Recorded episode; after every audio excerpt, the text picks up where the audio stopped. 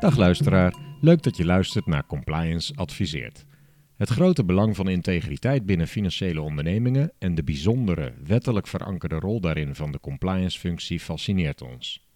Daarom praten we ongeveer maandelijks met ervaringsdeskundigen en delen dit graag met een zo breed mogelijk publiek. Een podcast is daar dus ideaal voor.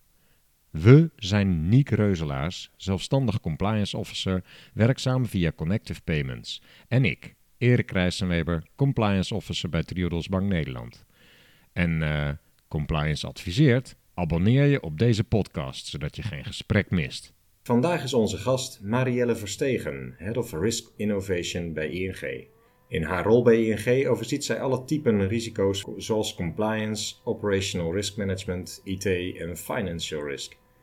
We gaan uiteraard vooral over compliance praten. Marielle is aan, in haar rol bij ING betrokken bij mergers en acquisitions en daarbij behorende aftercare trajecten. Kortom, ze draagt verantwoordelijk voor het beheersen van risico's bij integratietrajecten van ondernemingen die worden opgenomen in de ING-groep. Daarnaast houdt Marielle zich bezig met risicovraagstukken op het vlak van innovatie, zoals cryptocurrency. Welkom Marielle, fijn dat we je even mogen spreken hier. Om maar even te beginnen, wat is je achtergrond? Kun je iets vertellen over je dagelijkse werkzaamheden? Ja, zeker. Nou, uh, mijn achtergrond, ik ben, ik ben econoom uh, met een postgraduate in compliance. Um, dus een gedegen opleiding, ook op het gebied van, van compliance. En, en, ik ben al heel lang werkzaam bij ING, al, al 20 jaar bijna, in diverse bedrijfsonderdelen. En ik was een van de pioniers in 2001 die non-financial risk heeft opgezet bij ING. dus het het verkennen van, uh, van uh, onbekende paden is me niet vreemd. En, uh, en ook bij deze rol weer, weer iets wat ik met veel plezier doe. En hoe lang heb je deze rol dan? deze rol bestaat sinds een jaar. dus nog vrij recent. Hmm. en is dat voor het innovations deel of voor het mergers en acquisitions? Of is dat die combinatie? ja, oké. Ja, ja, beide. En het was voorheen redelijk gefragmenteerd beleg bij ING. Maar de ervaring leert dat het, dat het heel goed is om, uh, om een, een, center of excellence te creëren. Waarbij uh, de ervaring die je opdoet met dit soort initiatieven gewoon weer kunt hergebruiken. dus er is heel veel toegevoegde waarde om, om diepe kennis bij een aantal mensen te, te krijgen. Die het dan ook weer kunnen delen met andere collega's binnen ING. Aan wie rapporteer jij zelf om een beetje een idee te krijgen met wie we vandaag aan tafel zitten? Ik, uh, ik rapporteer aan Susan Poot. Uh, zij is de CRO van uh, CNG. Ja, dat is een, een divisie binnen ING.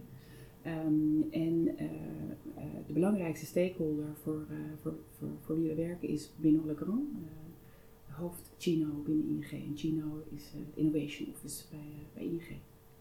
Dan wil ik graag gaan beginnen over die innovaties dan. Uh, zijn er innovaties bij ING gaande waarvan, uh, waarbij jij vanuit compliance betrokken bent en waar je iets, ons iets over kunt vertellen op dit moment? Jazeker, er gebeurt heel veel op het gebied van innovatie uh, bij ING. Vandaar ook hè, dat, we, dat we mensen hebben die helemaal toegewijd hiermee bezig zijn. Je kunt het eigenlijk grofweg verdelen in twee soorten.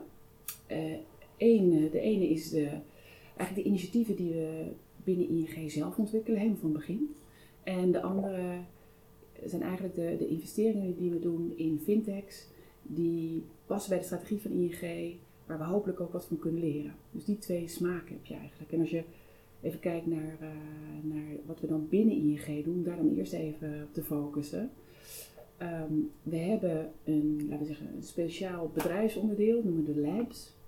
En in de labs uh, doen we eigenlijk de disruptive, uh, innovatieve ja, uh, productontwikkeling. Uh, en eigenlijk is het een heel gecontroleerde omgeving waarin we bepaalde projecten tot ontwikkeling brengen, waardoor je ook van al die projecten kunt leren op een heel gestructureerde manier. En, en ook voor risk is dat heel fijn, want je ziet toch dat je heel veel leert van het ene project, wat je onmiddellijk weer kunt toepassen op het volgende project. Mm -hmm. Dus, er zit een soort lerend uh, vermogen in, al wat je oppakt bij het ene project, dat gebruik je bij het andere. Want, want voor alle duidelijkheid, jouw rol is niet per se dat je zelf innovaties uitwerkt of nee, zo. zeker niet. Je, je, je, bent verantwoordelijk voor het managen van de risico's bij dit soort innovaties, toch? Wij zorgen ervoor, wij helpen de projectmanagers bij het, uh, bij het inzichtelijk maken van de risico's. Um, en ook bij het helpen van mitigerende maatregelen. En ze, en ze daarop challengen, is dat voldoende om, uh, om een product uh, live te zetten. Hoe benadert ING die compliance risico's van innovaties dan? ik kan me voorstellen dat er, uh, omdat het nog zo nieuw is, vaak uh, geen, laten we, misschien als voorbeeld cryptocurrency. Kan dat, kunnen, kunnen we dat als voorbeeld nemen of heb je een ander voorbeeld misschien? Nou, ik, er zijn wel wat voorbeelden in de labs die uh, de afgelopen jaren zijn gestart. We hebben bijvoorbeeld Jolt. Wat is Jolt precies? Ja, Jolt, een creatie van de labs. dus in-house ehm, opgestart binnen ING. En eigenlijk is het een, een geen bankinitiatief, maar een money management uh, initiatief. Klanten kunnen via het platform, dat gemaakt is door Jolt, kunnen ze al hun bankrekeningen koppelen. En dan kunnen ze inzicht krijgen in uh, uh, hoe het ervoor staat met die bankrekeningen. Er is, er, wordt er is een bepaalde categorisatie beschikbaar voor de klanten, zodat ze zien waar ze hun geld aan uitgeven en waar allemaal geld op binnenkomt. Um, er vindt data analytics plaats op hun data voor om ze inzicht te geven in hun, uh, in hun gedrag. Um, en het platform wordt in toenemende mate ook gebruikt om klanten toezicht, even inzicht te geven um, en toegang te geven tot uh, andere producten. Uh, zodat ze een nog betere ervaring kunnen hebben als ze gebruik maken van het platform. Dat klinkt als een onderdeel van de PSD2, Access to ja. the Account. Ja. Is, is dat ook. Ja, dit is eigenlijk al opgestart voordat PSD2 uh, um, in werking trad. Uh, het is al drie jaar gaande. Uh, maar nu PSD2 in werking is, is dit natuurlijk extra interessant voor, um, ja, voor, voor ING, maar ook voor partijen buiten ING. Wordt het al veel gebruikt? Het wordt heel veel gebruikt. er zijn al een miljoen actieve gebruikers. het is gestart in Engeland, maar inmiddels ook live in Frankrijk en, en Italië. Nou, dan kom je een aantal dingen tegen. Dan ga je, uh, je gaat verschillende bankrekeningen van verschillende banken samenbrengen uh, in één platform. Uh, en die, die data wordt dus gedeeld en wordt, wordt ergens vastgelegd. Um, dus daar moet je natuurlijk heel goede afspraken over maken met de klant, maar ook met de partijen die de data veilig ehm, opslaan. Uh, uh, en dat zijn, dat zijn zaken die je normaal gesproken volledig in eigen beheer hebt hè, als bank. Uh, maar dan ontstaat een situatie waarin je eigenlijk veel meer informatie krijgt en daar moet je dan op een goede manier mee omgaan. Hmm, nou ja, bij een mind, compliance-minded ja. iemand als ik poppen er inderdaad allerlei risico's op op dit ja. moment. Ja. um, hoe benader je dat dan? het is redelijk onontgonnen gebied. heb je daar een bepaalde systematiek in die je hanteert? Ja, zeker. Kijk, uiteindelijk uh, uh, ja, moeten we gewoon altijd voldoen aan de wet. Hè? Dus dat geldt voor alle initiatieven binnen ING, dus ook voor de innovatie-initiatieven. Um, maar daarnaast kun je natuurlijk wel heel goed nadenken over hoe kunnen we dan voldoen aan al die verplichtingen die we hebben. En, en soms zijn die oplossingen net even anders dan je in een traditionele omgeving zou doen. Um, dus dan ga je een heel goed overleg met de projectmanager en je, en je kijkt hoe je voor die specifieke situatie een, uh, de juiste oplossing kunt bedenken samen. Ja. Zo werken we dan samen met al die initiatieven. En het is eigenlijk per initiatief heel verschillend. Is het, is het mogelijk volgens jou om een risk appetite op zo'n manier te formuleren dat je, dat je de innovatie die je ziet daar tegen af kunt meten, zeg maar? Dat je kunt kijken, valt dit nou wel of niet binnen onze risk appetite? Kijk, een bedrijf heeft altijd een bepaalde riskapiteit. En, en uh, dat geldt voor alle activiteiten. Wat natuurlijk wel zo is, die appetite die wordt vastgesteld op basis van, in dit geval bij ons bedrijf, op basis van uh, de banklicentie. Dus, dus er zijn allerlei verplichtingen die je hebt en die worden vertaald in, een, in onze policy framework. Uh, en nu is het zo dat als jij, als jij als projectmanager een hele specifieke activiteit ontwikkelt, en dat is natuurlijk heel wat anders dan een, een bedrijfsonderdeel die een heel spectrum aan producten heeft. Hè. Dat, eh, dat, is natuurlijk een heel groot verschil. Dan kun je, dan kun je, uh, dan kun je zo'n projectmanager helpen navigeren van wat is er dan voor dit specifieke initiatief van toepassing. En bedenk jij dan mitigerende uh, de risico's en mitigerende maatregelen of laat je dat vooral aan de projectleider over? Dat doe je gezamenlijk. De projectmanager moet natuurlijk zelf heel goed zich bewust zijn van hè, wat ben ik aan het ontwikkelen en, uh, en wat betekent dat voor de klant. Hè? Mm -hmm. um, en wij, wij, helpen daar natuurlijk heel erg bij, want je kunt natuurlijk als individuele persoon nooit alles weten van elk onderwerp. Maar dat is natuurlijk het mooie als je zoiets binnen ING doet. Er zijn heel veel experts op heel veel gebieden. En we kunnen heel makkelijk die kennis aftappen en toepassen. Ja. dus, dus, um, en, en, en ook heel, we kunnen ook heel makkelijk helpen door te zeggen van ja, als je een product hebt dat helemaal uh, dat, dat zo specifiek is dat bepaalde uh, wetgeving niet van toepassing is, bijvoorbeeld MIFID, hè, als je geen beleggingsproduct aanbiedt, ja, hè, maar iets heel anders, dan is MIFID niet van toepassing. Nee, nee. Dat betekent dat je de projectmanager heel erg kunt helpen door te zeggen, van, ja, dit is, niet, dit is sowieso niet van toepassing, maar dat misschien wel. Hè? Dus afhankelijk van het specifieke initiatief. En hoeft hij niet zelf hè, een enorm boekwerk aan, aan, uh, aan verplichtingen door te lezen om te kijken of, of dit of misschien van toepassing is of niet. En bovendien is het ook wel fijn als er iemand is die ervaring heeft met het onderwerp, die kan helpen vaststellen. Ja. Um, of dus daarin, van toepassing is. Ja. Dus daarin steun jij ook echt de business. Absoluut. Ze kunnen verder, sneller. Uh, ja. ze, ze zijn wat zekerder over welke risico's loop ik nou. Ja. Als we dan focussen op dat uh, voorbeeld wat je net noemde, die PSD2, uh, data uitwisselen. Ik kan me voorstellen dat dat ook best wel eng is. Uh, dat er uh, ook onder het publiek weten we dat soms heel erg emotioneel gereageerd wordt. Niemand komt uit mijn bankgegevens. Ja. Terwijl, uh, hoe benader je zoiets in, bij, bij dat Ja. specifieke project dan? Ja, dat is per land ook heel verschillend. Hè? Dus eh, in, in Nederland is dat in het verleden natuurlijk wel zo geweest. Hè? Dat mensen ja, eh, voorzichtig zijn met het delen van data. En eh, terecht natuurlijk. Eh, je moet natuurlijk weten aan wie je data allemaal geeft. Maar daarom zijn er ook eh, strenge richtlijnen waarbij klanten consent moeten geven. Mensen moeten toestemming geven om data voor een bepaalde purpose, voor een bepaalde doelstelling te gebruiken. Ja, dan heb je het over de AVG, denk ik, de, al, Ja. eh, de Algemene Verordening Ja. Gegevensbescherming. Ja. Ja, in Nederland wel. Maar bijvoorbeeld het JOL-project is in Engeland. oké. En daar is de cultuur ook weer net anders. Daar vinden mensen het helemaal geen probleem om eh, te linken aan een platform. En die, die vinden juist de inzichtelijkheid in de informatie een enorme plus. Eh, de feedback van de klant is ook heel positief. En bijvoorbeeld in, eh, in Engeland is er best wel een hoge eh, rente als je, als je rood staat. Dus het is heel fijn als er bijvoorbeeld een mechanisme is waardoor je een seintje krijgt als je dreigt rood te gaan staan. Mhm. Dus, dus, Ook voor andere bankrekeningen dan van ja, de eigen... Ja, ja. Dus, want je kunt natuurlijk als je data analytics doet, kun je, kun je patronen gaan ontdekken van hoe iemands gedrag is gedurende de maand.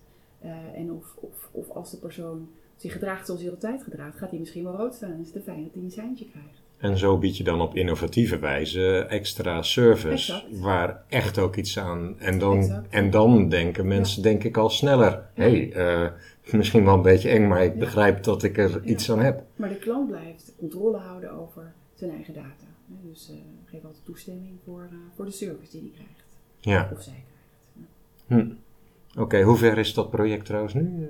Ja, het is live en het loopt heel goed. Ja. En, eh, eh, Sorry, ja, misschien had ik Ja. het moeten kennen, maar Nee, ja, het is niet alle- mijn vakgebied direct, hè? Dus eh, ja. Nee, maar het is, het, is, het, is, het, is, het is al een poosje live en het krijgt heel positieve feedback van klanten. En het geeft echt een extra service die ze voorheen ja, niet zo makkelijk konden, konden krijgen. Want En- het combineert verschillende bankrekeningen van verschillende banken. Hm. En waren er dan ook bepaalde zaken die eh, de project of de productontwikkelaars wilden eh, toevoegen aan functionaliteit waarvan jij hebt gezegd, nee, daar acht ik het risico onacceptabel? Nou ja, kijk, als je een klant wil onboarden, wil je natuurlijk zo min mogelijk eh, blokkades hebben. Je wil, dat, je wil alles zo gemakkelijk mogelijk maken voor de klant. Met zo min mogelijk eindeloze vragenlijsten. Je, wil dat, je, wil, je wil dat zo inrichten dat het een fijne ervaring is voor een klant. En daar is soms, natuurlijk wel eens een spanningsveld, want soms moeten we informatie vragen hè, eh, vanuit onze verplichting als bank eh, van de klant eh, om, om hem goed te kunnen identificeren. Ja, dus, dus, maar dan is het heel vaak nadenken over hoe kan je dat dan op een, op een zo soepel mogelijke manier opvragen. Eh, dat het voor de klant een goede ervaring blijft, maar we toch de informatie krijgen die we moeten krijgen. En op welke wijze zijn jullie daar dan in geslaagd? Kun je daar iets over zeggen? Ja, je, kijk, eh, eh, zolang. eh, het hangt ook heel erg van de service af die je geeft. Hè. Zolang, zolang het puur om data-aggregatie gaat, kun je misschien minder eisen stellen dan wanneer je bijvoorbeeld meer service wil aanbieden aan de klant. Hè. Want dan komen er veel meer verplichtingen bij. Hè, dus, dus je kunt kijken van wat is de daadwerkelijke service die verleend wordt versus de verplichtingen die we vervolgens hebben Ja. Om informatie in te winnen. De- Helder. In welke fase van een, een innovatief project word jij bij eh, dat project betrokken als eh, risk-minded persoon? Of, en, en is er dan vaak al goed nagedacht over risico's? Of merk je dat je daar toch nog best wel veel aan bij te- moet dragen? Nee, eh, nou, wij worden eigenlijk al in een heel vroeg stadium betrokken. Omdat men ziet van ja, je hebt er wat aan. Hè? Eh, ehm, en, en je ziet ook dat eh, eh, mensen, eh, de projectmanagers, die willen graag zo snel mogelijk ontwikkelen. Ehm, willen gewoon alle input die ze daarvoor krijgen, die ze nodig hebben, willen ze gewoon verwerken. Ehm, dus we hebben eigenlijk nauwelijks discussie over of het wel of niet moet. Het is meer van, kun je meedenken over hoe we het op een goede manier kunnen doen. Mhm. Ehm, dus eigenlijk ja, gaat die samenwerking heel erg goed.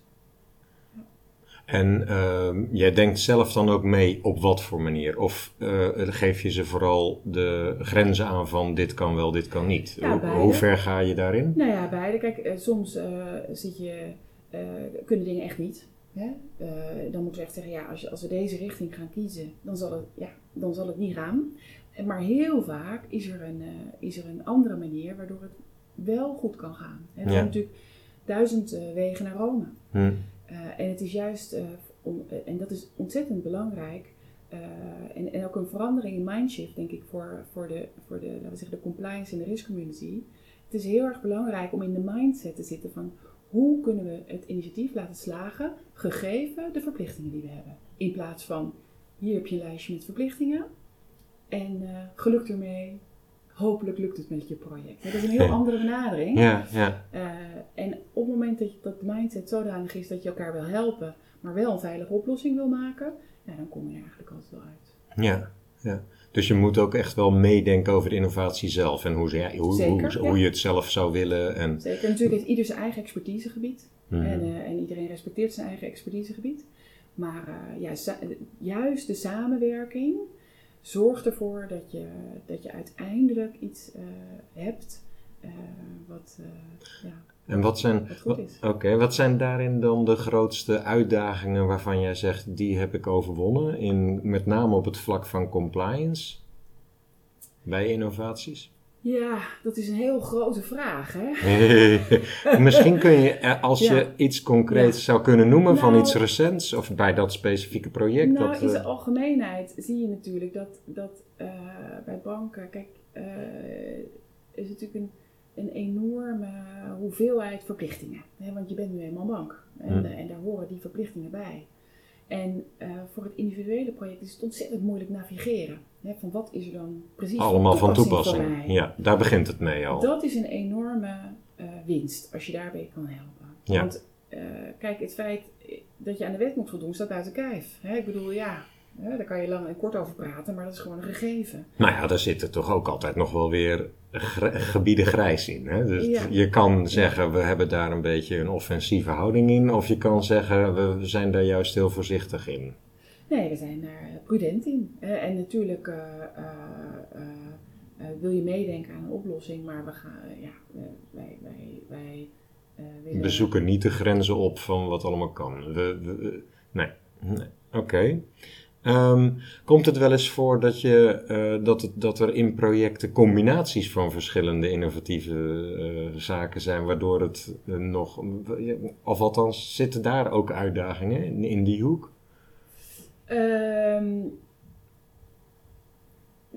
Nou, uh, combinatie van, combinatie van nou, wat? Ik zou me kunnen voorstellen dat, met name op het gebied van artificial intelligence, wat je vaak hoort, dat mensen oh data willen gebruiken om, ik noem maar wat, een hypotheek samen te stellen, maar dat daar dan ook nog weer eens een keer uh, met uh, plat, hoe heet dat, crowdfunding platforms om een, een, een, project te financieren of iets dergelijks. Als er dat soort combinaties zijn, dan uh, dat is wat ik bedoel. Ja, oké. Ja, en dat is in feite het, uh, uh, het wat ontzettend belangrijk is in elk initiatief, is een hele goede risk assessment gedurende de hele levenscyclus van het project. Hè. Dus, en dan pel je eigenlijk al die dingen af. Hè. als je gebruik maakt van data analytics, wat, is, wat is ethisch datagebruik? Hè? hoe ga je ermee om? Um, hoe sla je de informatie op? Uh, hoe lang sla je de informatie op? Wie mag er allemaal bij de informatie komen?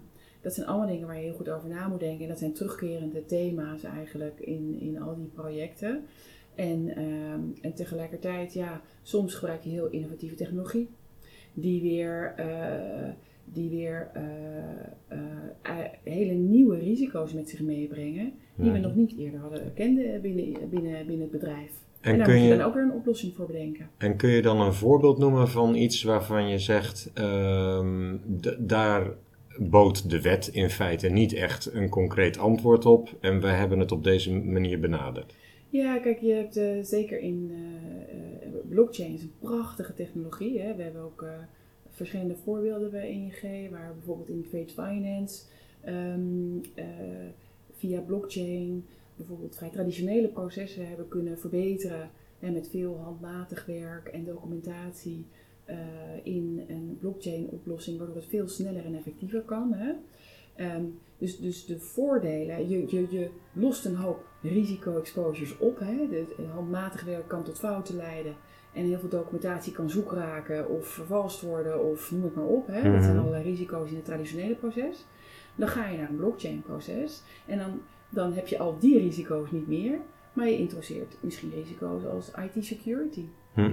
of uh, weet je precies wie je counterparts allemaal zijn. En hoe ga je dat dan weer inrichten? Dat, dan, dat doe je dan weer op een andere manier.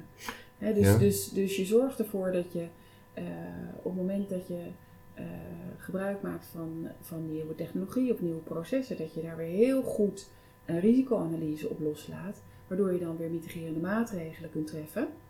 Uh, die passend zijn voor die nieuwe oplossing. Hm. En die kunnen heel anders zijn dan, dan, dan de oude situatie. En komt het vaak voor dat je daarbij zelf een risico-inschatting moet maken waarvan je eigenlijk moeilijk in kunt schatten hoe groot dat risico is? Hoe concretiseer je het risico met een project waarbij de wet niet eens heel duidelijk antwoord biedt? Ja, dat is in feite gewoon uh, doemscenario denken. Hè? Dus wat, wat is het ergste wat er kan gebeuren? En heel vaak hebben mensen daar best wel goede ideeën bij. Want hm. de mensen die werken aan zo'n project zijn natuurlijk super deskundig op hun eigen terrein. Mensen die zich met blockchain bezighouden weten precies hoe de technologie werkt. Het is best ingewikkeld. Ja.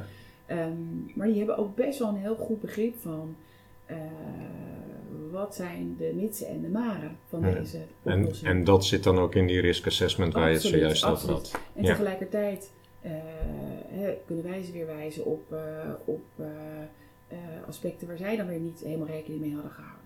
Ja. Ik kan me voorstellen dat je niet al te concreet kunt worden bij de volgende vraag. Wordt er wel eens vooraf overlegd met DNB om af te tasten hoe zij bepaalde risico's zullen beoordelen? Ja, dus, dus zeker heel regelmatig overleg met uh, DNB over heel veel onderwerpen en ook over innovatie. Mhm. Want uiteraard is iedereen erbij gebaat om te leren. Hè? Want innovatie doe je uh, om, voornamelijk ook om te leren, om, om te begrijpen welke nieuwe uh, technieken er zijn en methoden er zijn om nieuwe financiële dienstverlening aan te bieden. Maar iedereen is erbij gebaat om goed te begrijpen wat de, hè, wat de voor- en nadelen daarvan zijn. Hm. Uh, um, dus, dus er is zeker heel regelmatig uh, informatieuitwisseling met toezichthouders, niet alleen met DNB, maar alle relevante toezichthouders of andere externe partijen die daar een belang bij hebben. Nou heb ik dat even niet helemaal precies op de radar, maar ik heb wel eens gehoord dat ze een soort uh, sandbox-idee uh, hebben. Maken jullie daar als ING ook gebruik van, of is dat puur alleen voor kleinere, nieuwere fintech-bedrijven bedoeld? Nee, sandbox is in principe voor iedereen. Bijna elke toezichthouder heeft inmiddels sandbox-omgevingen en daar kan gebruik gemaakt worden. Het kan soms heel, een heel goede oplossing zijn. Ehm, zeker als er vraagstukken zijn waarbij de toezichthouder mee kan denken hm. over oplossingen. Hm. dus, dus en daar staan ze ook heel open voor, is onze ervaring. Ja. Ehm, en en, uh, en wij zijn er heel blij mee dat die, dat, die, dat die mogelijkheid gecreëerd wordt, zodat je um, gezamenlijk tot een, tot een goede eindresultaat kan komen. Waarbij je natuurlijk um, jezelf altijd verantwoordelijk blijft voor het creëren van een goede oplossing. Je kunt nooit die verantwoordelijkheid ergens anders neerleggen. Maar het is wel fijn om door een hele regelmatige informatieuitwisseling um, elkaar goed op de hoogte te houden van de ontwikkelingen. Hm. Ja, ja ik, ik, kan me ook voorstellen dat je soms wel terughoudend bent om heel open te zijn daarin naar DNB, de toezichthouder. Maar nee, dat, dat speelt... Er is niemand bij gebaat. Nee. Het is, het is ontzettend belangrijk dat, uh, dat uh, iedereen leert van, uh, van nieuwe ontwikkelingen, nieuwe technologie. En um, dus je wil, je wil dat, dat je met elkaar kunt praten over wat de meest optimale um, uh, speelveld is om dit soort, om dat, dit soort nieuwe producten te kunnen lanceren. En heel vaak kan, kan een toezichthouder uiteindelijk ook heel erg helpen om ervoor te zorgen dat er een level playing field in de market is. Hè? Hm. Dat, dat, dat, iedereen dezelfde regels heeft. Ja. Hm. Um, ik wil over op mergers and acquisitions. Het, ik had het zelf ingedeeld in de voorbereiding in twee verschillende dingen, maar eigenlijk ligt het veel dichter bij elkaar dan ik me vooraf had gerealiseerd. Ja, maar er zijn, kijk, er zijn twee, er zijn twee vormen van investment. Eén is de, de, ja, de minority investment, dus de minderheidsdeelnemingen die we doen in fintechs. Nou, daar zijn we heel intensief bij betrokken.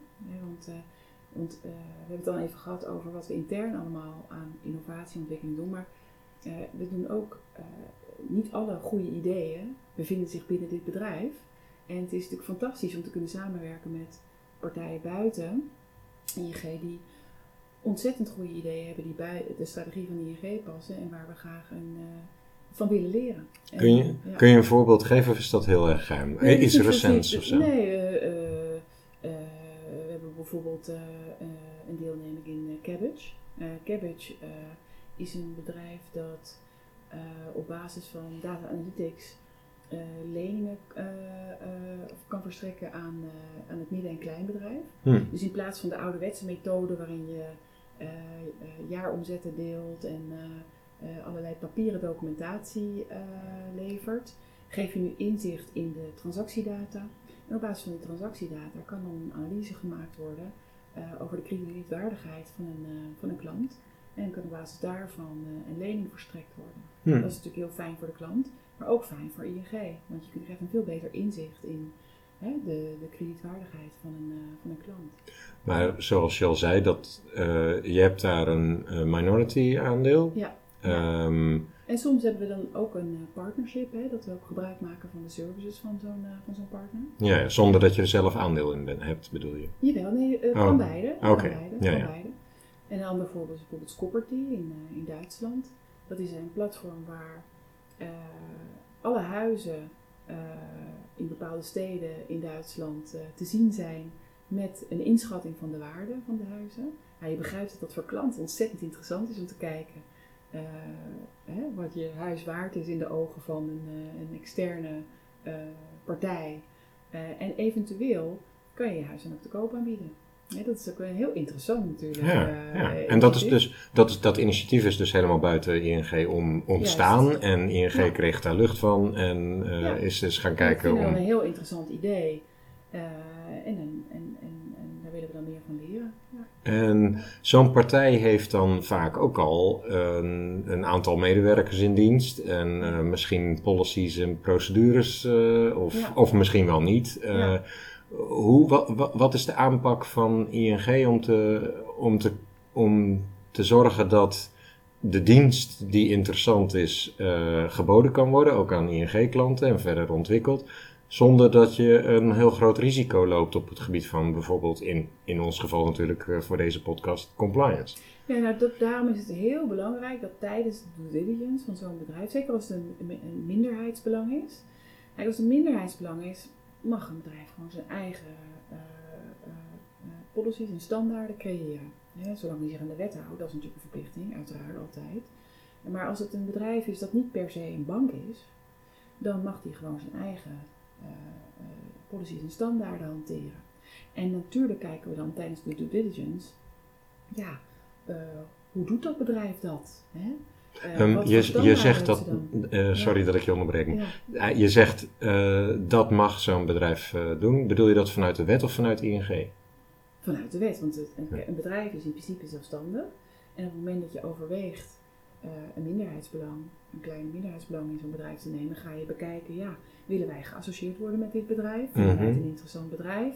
Is er mogelijk een reputatie-effect, mm -hmm. een positief of negatief, door je te verbinden met dit bedrijf?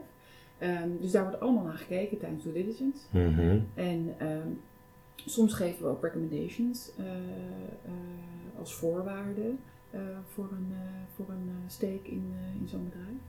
Um, maar in principe kijken we er heel goed naar tijdens de, de, de due diligence. -hmm. Je noemde net als voorbeeld dat cabbage. Uh, waren daar bepaalde uh, aspecten waarvan je dacht, oh, daar, daar moest nog wel wat aan gebeuren voordat wij uh, daar een aandeel in wilden? Of was daar alles op orde? Nou, kijk, er zijn altijd, kijk, als je kijkt naar een bedrijf, een ander bedrijf is er altijd een andere cultuur. Altijd. En een, een andere aanpak van dingen. En, en ook is, is een bedrijf soms werkzaam in een specifieke markt. en, en hm in, die, in, die, in een specifieke markt, een bepaald land, kan gewoon een, kan gewoon een bepaalde market practice zijn. Mm-hmm. Waarvan we dan zeggen, nou ja, het moment dat je dat in Nederland doet of ergens anders, zou het toch anders moeten. Maar dat, hè, dat, dat, uh, dat, dat soort observaties heb je dan wel. Um, omdat je natuurlijk in Europa of in Nederland dan weer een andere specifieke wet en regelgeving hebt. Ja. Um, dus um, eh, maar voor, om, voor zo'n bedrijf om, eh, om dan operationeel te zijn eh, in, in een ander land, ja, zullen ze zich daar toch aan moeten houden. Ja, dus ja. Maar, ja, wat zijn dan op dat vlak dan precies de uitdagingen? Je kunt je voorstellen dat, uh, dat je in principe kan weten dat in die markt uh, nou eenmaal een iets andere standaard is, maar ING blijft een vergunninghoudende partij. Hoe, hoe matcht dat dan?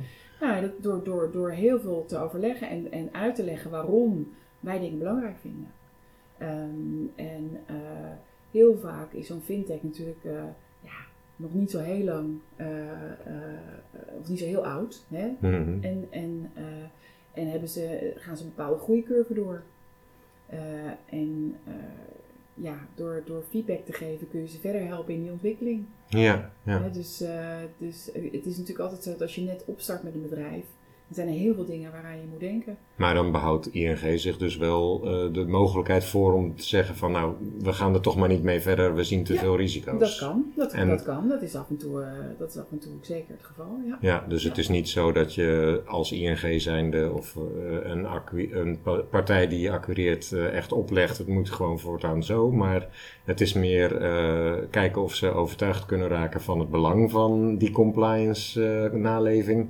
En zo niet, dan moet je je af gaan vragen of je er verder mee wil. Ja, dat is in feite, kijk je gewoon, past de cultuur van dat bedrijf bij ING? Ja. En, het, en soms is het antwoord uh, een volmondig ja.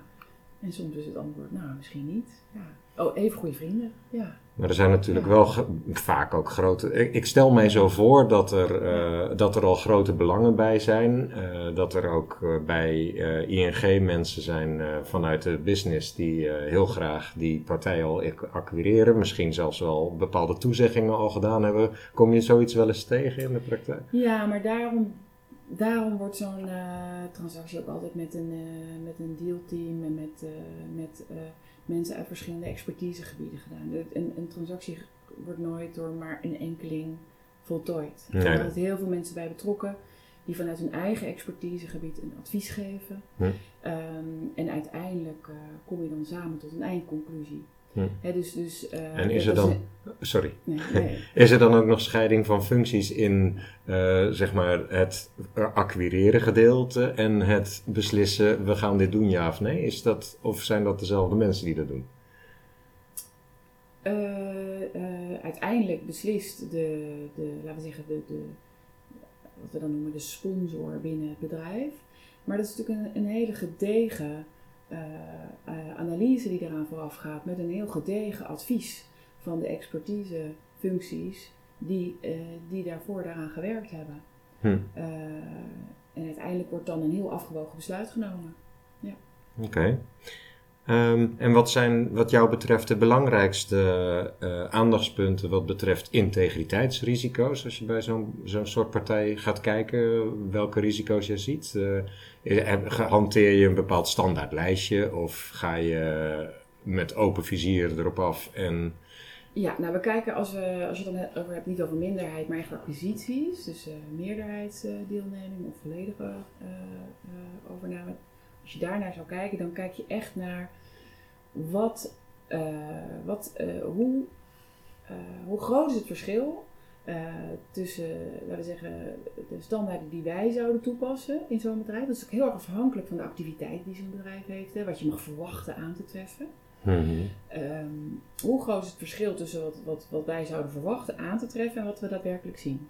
Dus je wil gewoon, je hebt in principe een, een, een, bepaalde lijst van zaken die, als jij praat over compliance, dan verwacht je dat ze, als, het een, als het bijvoorbeeld een andere bank is of een financiële service provider, verwacht je dat ze een fatsoenlijk KYC-proces hebben. Nou, dat wil je dan graag zien. En je wil ook het liefst zien dat, um, dat het ook werkt. Ja, dus door middel van auditrapporten of andere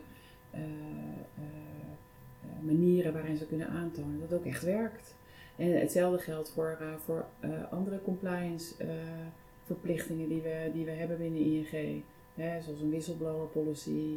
Of je kunt in feite alle, alle standaarden noemen die je in het compliance werkveld zou tegenkomen. Als die van toepassing zijn voor dat specifieke bedrijf, dan, dan vraag je daarnaar en dan beoordeel je, nou ja, hebben ze daar überhaupt een framework voor?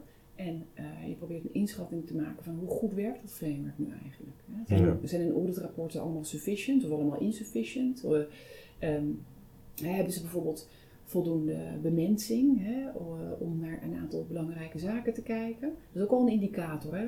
Als je geen compliance officer hebt, uh, uh, en terwijl je toch wel activiteiten doet die dat wel vergen, dat is dan ook een, een, een, een, een signaal van hé, hey, hoe goed is dat bedrijf georganiseerd? Ja.